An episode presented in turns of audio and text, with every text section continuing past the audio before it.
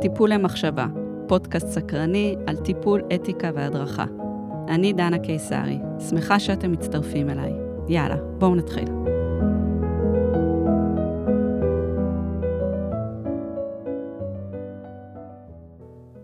אני רוצה לפתוח את הפרק היום בכמה שאלות.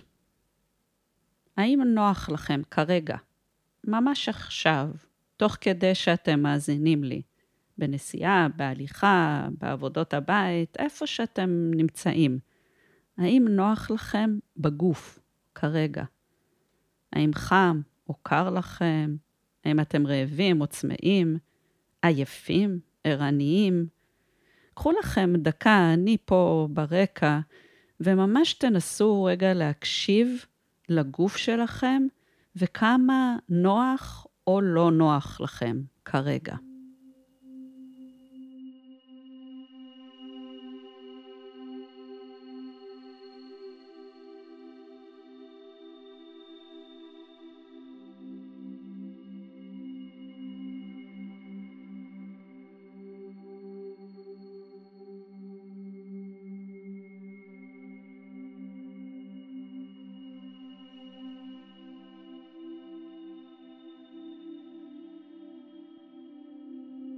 בפרק של היום נדבר על ויסות, דרך תשומת לב לנוחות של הגוף שלנו. אחת המטרות העיקריות בטיפול בקליניקה היא לייצר ויסות אצל מטופלים וללמד אותם לווסת את עצמם. כמטפלת, אין לי אג'נדה לתקן את המטופלים שלי או לרפא אותם. יש לי כוונה עמוקה לאפשר להם להכיר את עצמם, את הצרכים והמשאלות שלהם, ואני רוצה שיתאפשר להם לעשות בחירות מיטיבות ולחוות את איכות החיים שלהם בצורה טובה יותר. ולכן, אחד הדברים שאני מלמדת מטופלים דרך העבודה בקליניקה, הוא איך לווסת את עצמם בשגרה וגם במצבים מאתגרים בחיים. ויסות הוא נושא מאוד פופולרי בשנים האחרונות, ולא סתם. החיים והשגרה שלנו עמוסים, מלאים בגירויים, בדרישות, בסטרס. מערכות היחסים שלנו, קצב החיים, ציפיות מהחברה שלנו, מייצרים עומס גדול על הגוף ועל הנפש. נוסף על כך, יש לכל אחד מאיתנו דפוסים ואוטומטים של מערכת העצבים. האופן בו מערכת העצבים שלנו מגיבה ליום-יום מושפע כמובן מחוויות שקרו לנו בעבר. ולכן בהרבה מקרים אנחנו תגובתיים ומופעלים בסיטואציות שלא תמיד ברור לנו למה, איך ומה המקור של התגובה שלנו. בגלל כל אלה, בגלל הדרך בה אנו חיים, הדרך בה גדלנו, והאופן בו מערכת העצבים שלנו למדה להגיב, לכולנו יש צורך עמוק בוויסות. אז מה זה בעצם ויסות? ויסות הוא מצב בו נמצאת מערכת העצבים שלנו כשהיא לא בהצפה, נתק או תגובתיות יתר. כשהיא במצב מוכל ומכיל יחסית, אין מצב חירום או הפעלה של מערכת ה-fight, freeze, flight שלנו. חשוב בנקודה הזו שלא נבלבל בין ויסות ואיזון. ויסות הוא לא איזון. איזון הוא מצב יותר ניטרלי. ויסות לעומתו הוא מצב בו מערכת העצבים שלנו יכולה להכיל את מה שקורה כרגע באופן מבוסת. ולכן, אם אני מבוסתת, זה לא אומר שאני רגועה או נמצאת במצב רגשי שמח ומסופק. ויסות אין פירושו שאני לא כועסת ולא עצובה, אני בהחלט יכולה לכעוס או להיות עצובה ממקום מבוסת. ויסות זה מצב בו מערכת העצבים שלי לא במצב של אובר או ניתוק. אני מחוברת. אני יכולה לחשוב, לפעול ולהרגיש, לא כתגובת חירום ולא מתוך ניתוק. אני רוצה להסביר בקצרה, ממש על קצה המזלג, דרך מבנה המוח שלנו. כבני אדם, יש לנו מוח אחד אשר בנוי משלושה חלקים עיקריים, משלושה מוחות קטנים. המוח הזוחלי, הקדום ביותר, אשר אחראי למערכת ההישרדות שלנו, המוח הלימבי, הרגשי, שאחראי לרגשות שלנו, והנאו-קורטקסט, המוח המתקדם ביותר, שאחראי לחשיבה מורכבת ותהליכי חשיבה מורכבים. במצב של ויסות, המוח הזוחלי שלנו לא בתגובתיות או הפעלה. מערכת ההישרדות שלנו בנוחות, המערכת הרגשית שלנו לא נמצאת בהצפה או נתק, ואני יכולה לחשוב בבהירות. כלומר, ההגדרה של ויסות היא מצב בו שלושת המוחות שלנו נמצאים בחיבור ואינטגרציה. מה שאני חושבת, מה שאני מרגישה ומה שאני חשה בגוף שלי, הכל מחובר, בהלימה. זו הסיבה שיכול בהחלט להיות מצב בו אהיה כועסת, אבל באופן מבוסת. בדיוק באותה מידה אני יכולה לשמוח בצורה מבוסתת. המערכת העצבית תכיל את זה, הגוף שלי יחוש את זה. הרגשות והמחשבות שלי ירגישו, יחשבו ויתחברו לזה. לכן, להיות במצב מבוסת לא אומר בשום צורה שאני מאוזנת או מרגישה רגועה. איך נושא הוויסות מתבטא בקליניקה ואצל המטופלים שלנו? רוב המטופלים מגיעים אלינו ברמות ויסות שונות ומשתנות ועם צורך בוויסות. מטופלים רבים יגיעו עם דפוסים ורקע שלא תמיד היה בו ויסות, מה שגורם למערכת העצבים שלהם להיות מופעלת, לפעמים גם במצבי רגיעה לכאורה. חלק מהמטופלים שלנו מגיעים מוצפים יתר על המידה, או להפך, מנותקים מהגוף ומהרגשות. למעשה רוב המטופלים לא מכירים טוב את הגוף שלהם, את התחושות והאיתותים של הגוף, את הצרכים העמוקים שמפעילים אותם. אפשר לדבר על נושא הוויסות במשך כמה פרקים לפחות. יש המון דרכים, המון שיטות עבודה והרבה תרגילים שמלמדים ויסות רגשי. אבל היום אני אתמקד בפרקטיקה פשוטה שמגיעה מעולם ההתמקדות ומעולם הפסיכותרפיה הגופנית, ואותה אני מיישמת עם המטופלים והמטופלות שלי בתחילת כל טיפול. הפרקטיקה הזו היא פשוטה. היא תשומת הלב לגוף ולנוחות שיש לנו בגוף. הדרך הכי עמוקה, הכי יעילה והכי פחות שיפוטית ללמד ולחוות ויסות היא דרך הגוף שלנו. דרך ההיכרות שלנו עם הגוף, עם התחושות והצרכים שלנו. רובנו כבר יודעים שמאוד קשה לווסת את עצמנו או לווסת אחרים בעזרת מילים. כשאנחנו מוצפים בלחץ, בזעם או בחרדה, זה לא עוזר לנו שאומרים לנו, תירגע, או תנשמי עמוק, או תחשוב חיובי. לא רק שזה לא עוזר, זה אפילו מחמיר הרבה פעמים את המצוקה ואת המצב. כאשר אנחנו עובדים עם הגוף, האפקט יעיל וחסר ביקורת או שיפוטיות. בעבודה עם הגוף, האינפורמציה של הוויסות והחוויה של הוויסות עוברות מהמוח הזוחלי גם למוחות האחרים.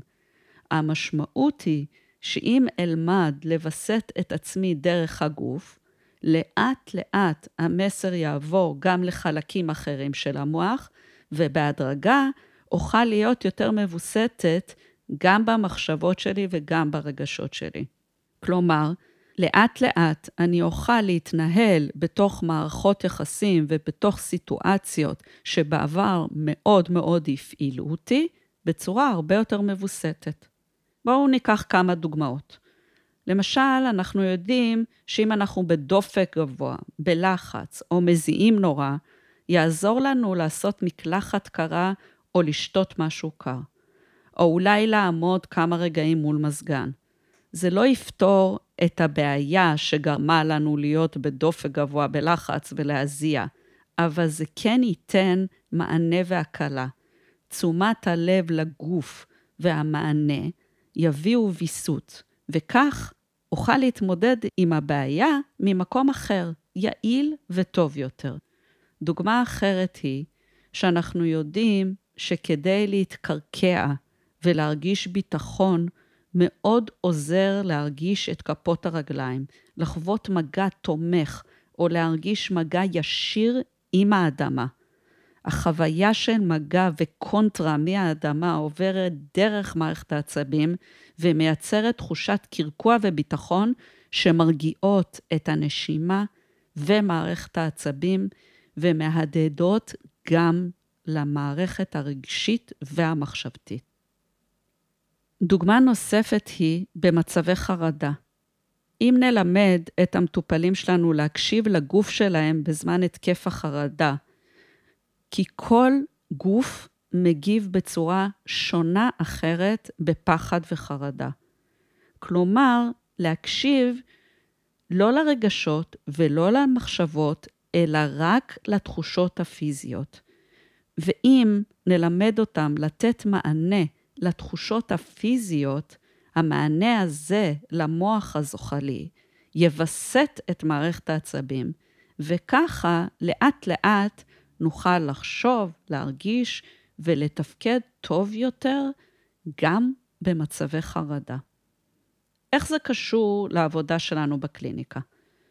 במפגש עם מטופלים בקליניקה, אנחנו זקוקים לוויסות לא רק ככלי לחיים, אלא גם כדי שנוכל לעבד תוך כדי הסשן, לחבר נקודות, לחוות תובנות, להבין ולהרגיש ממקום של ויסות, ממקום לא מוצף וכמובן לא מנותק. הסיטואציה בקליניקה היא מראש רגישה יותר, משום שהמטופל יודע שהוא מגיע והולך לדבר על נושאים רגישים וכואבים. נוסף על כך, מטופל מגיע לקליניקה מבחוץ, מהיום-יום הסוער, העמוס, ולכן בכל טיפול אני אתחיל בוויסות של הגוף.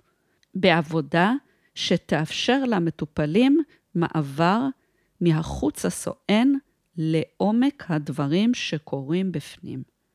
ואת זה אני עושה באמצעות הפניית תשומת הלב לנוחות בגוף. אז איך עושים את זה? בתחילת כל סשן, לפני שאני שואלת את המטופלת שלי מה שלומה, לפני שאנחנו נכנסות לשיחה, אני קודם כל מזמינה אותה לשבת ולשים לב שנוח לה. אני מקדישה לעבודה הזו כמה דקות לפחות.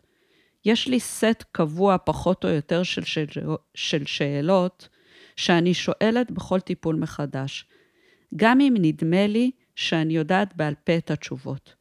ההזמנה הזו בכל פעם מחדש לבדוק אם נוח בגוף ומה צריך, היא הזמנה להתחיל לשים לב לגוף, לרמת הנוחות, למצב הפיזי והרגשית שלנו ולרמות הוויסות שלנו.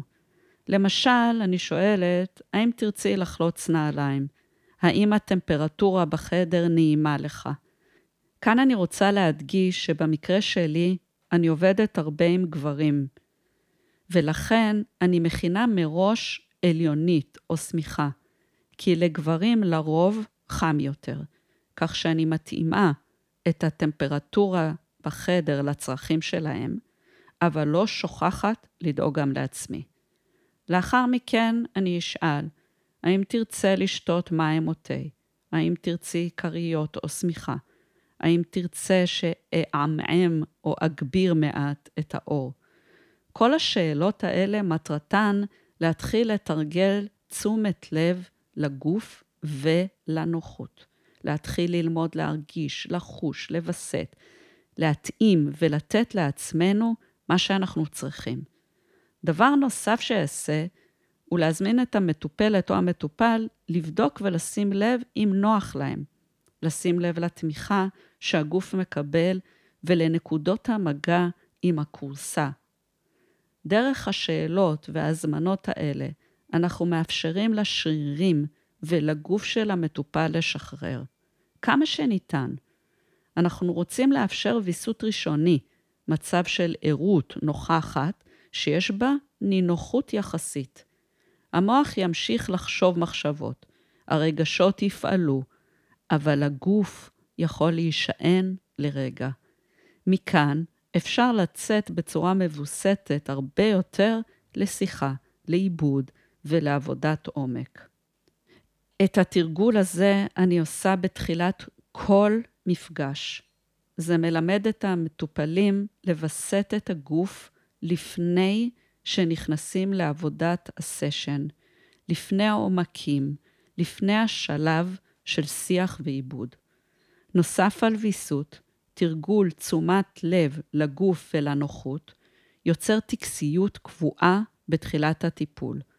התרגול חוזר על עצמו בכל מפגש טיפולי מחדש, לא משנה אם זה מטופל חדש או ותיק מאוד.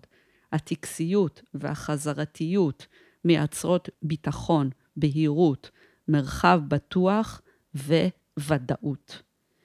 כמובן, זהו תרגול נרכש, ולא תמיד הוא מצליח במלואו, אך ממפגש למפגש יש אפשרות ללמוד, לתרגל ולסגל חישה לתחושות עדינות.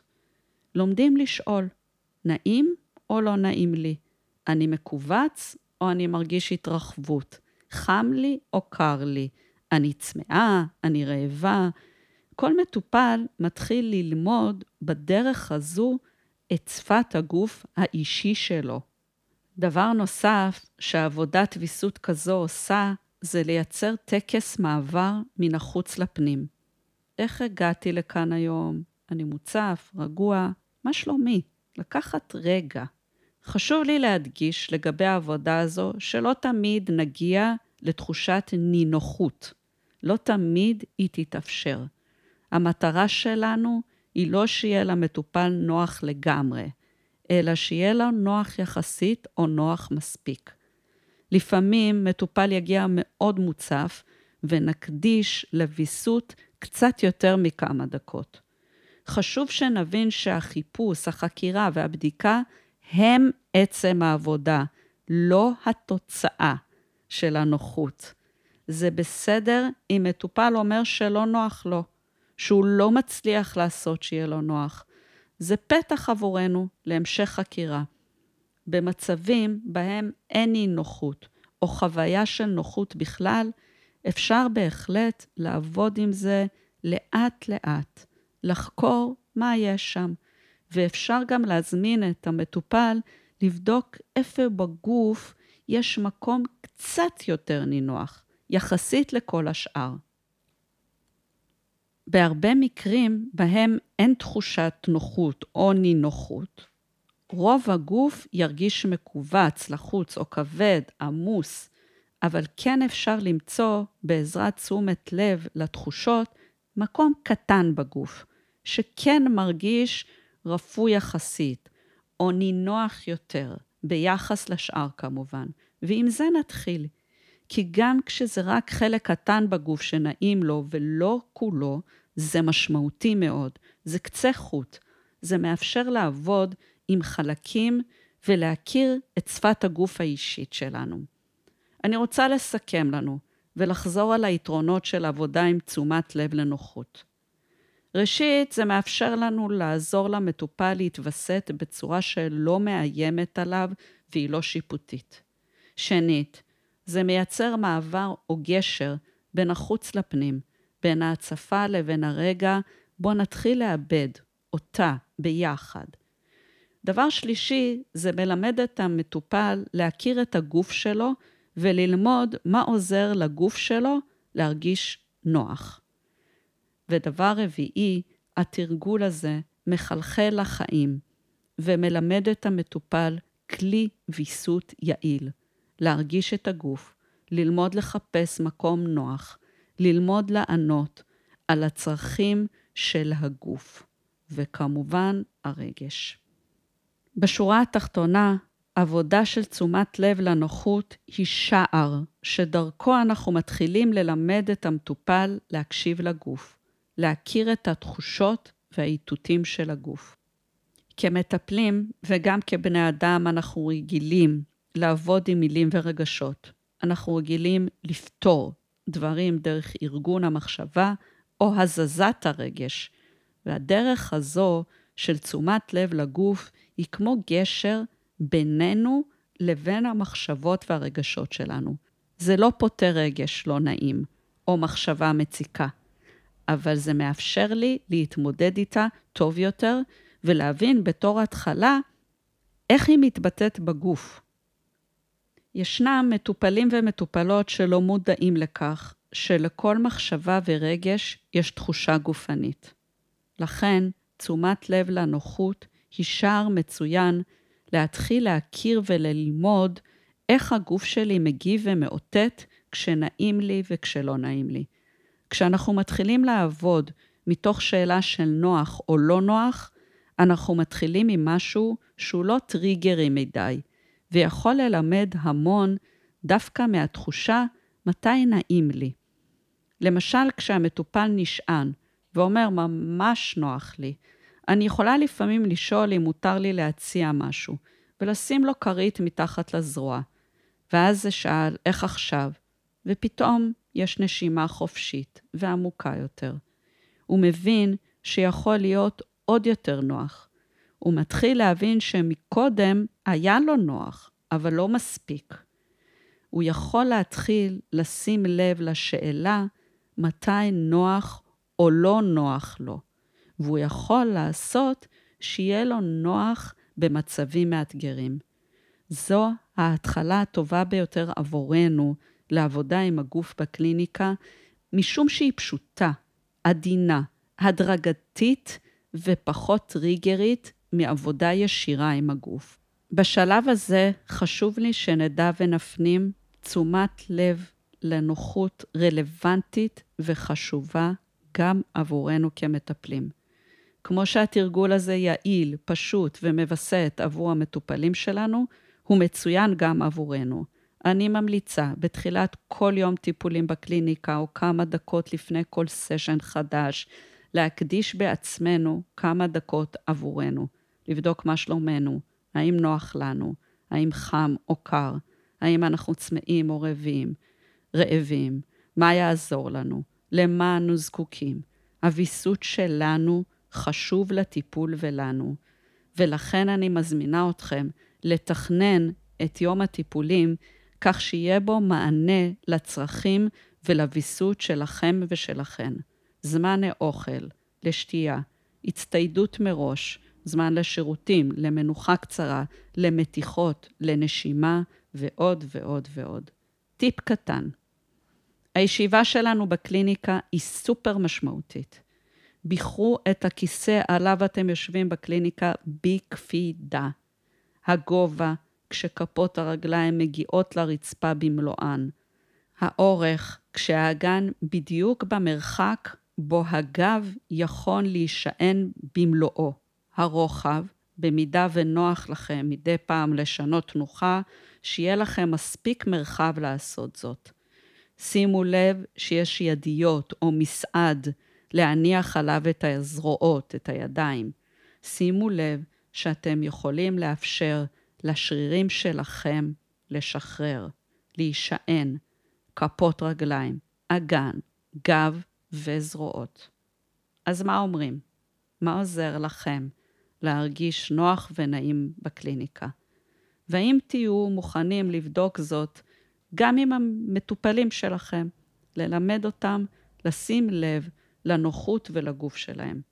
מוזמנים להתנסות, כמובן לשתף אותי, ואנחנו נתראה בפרק הבא של טיפול למחשבה.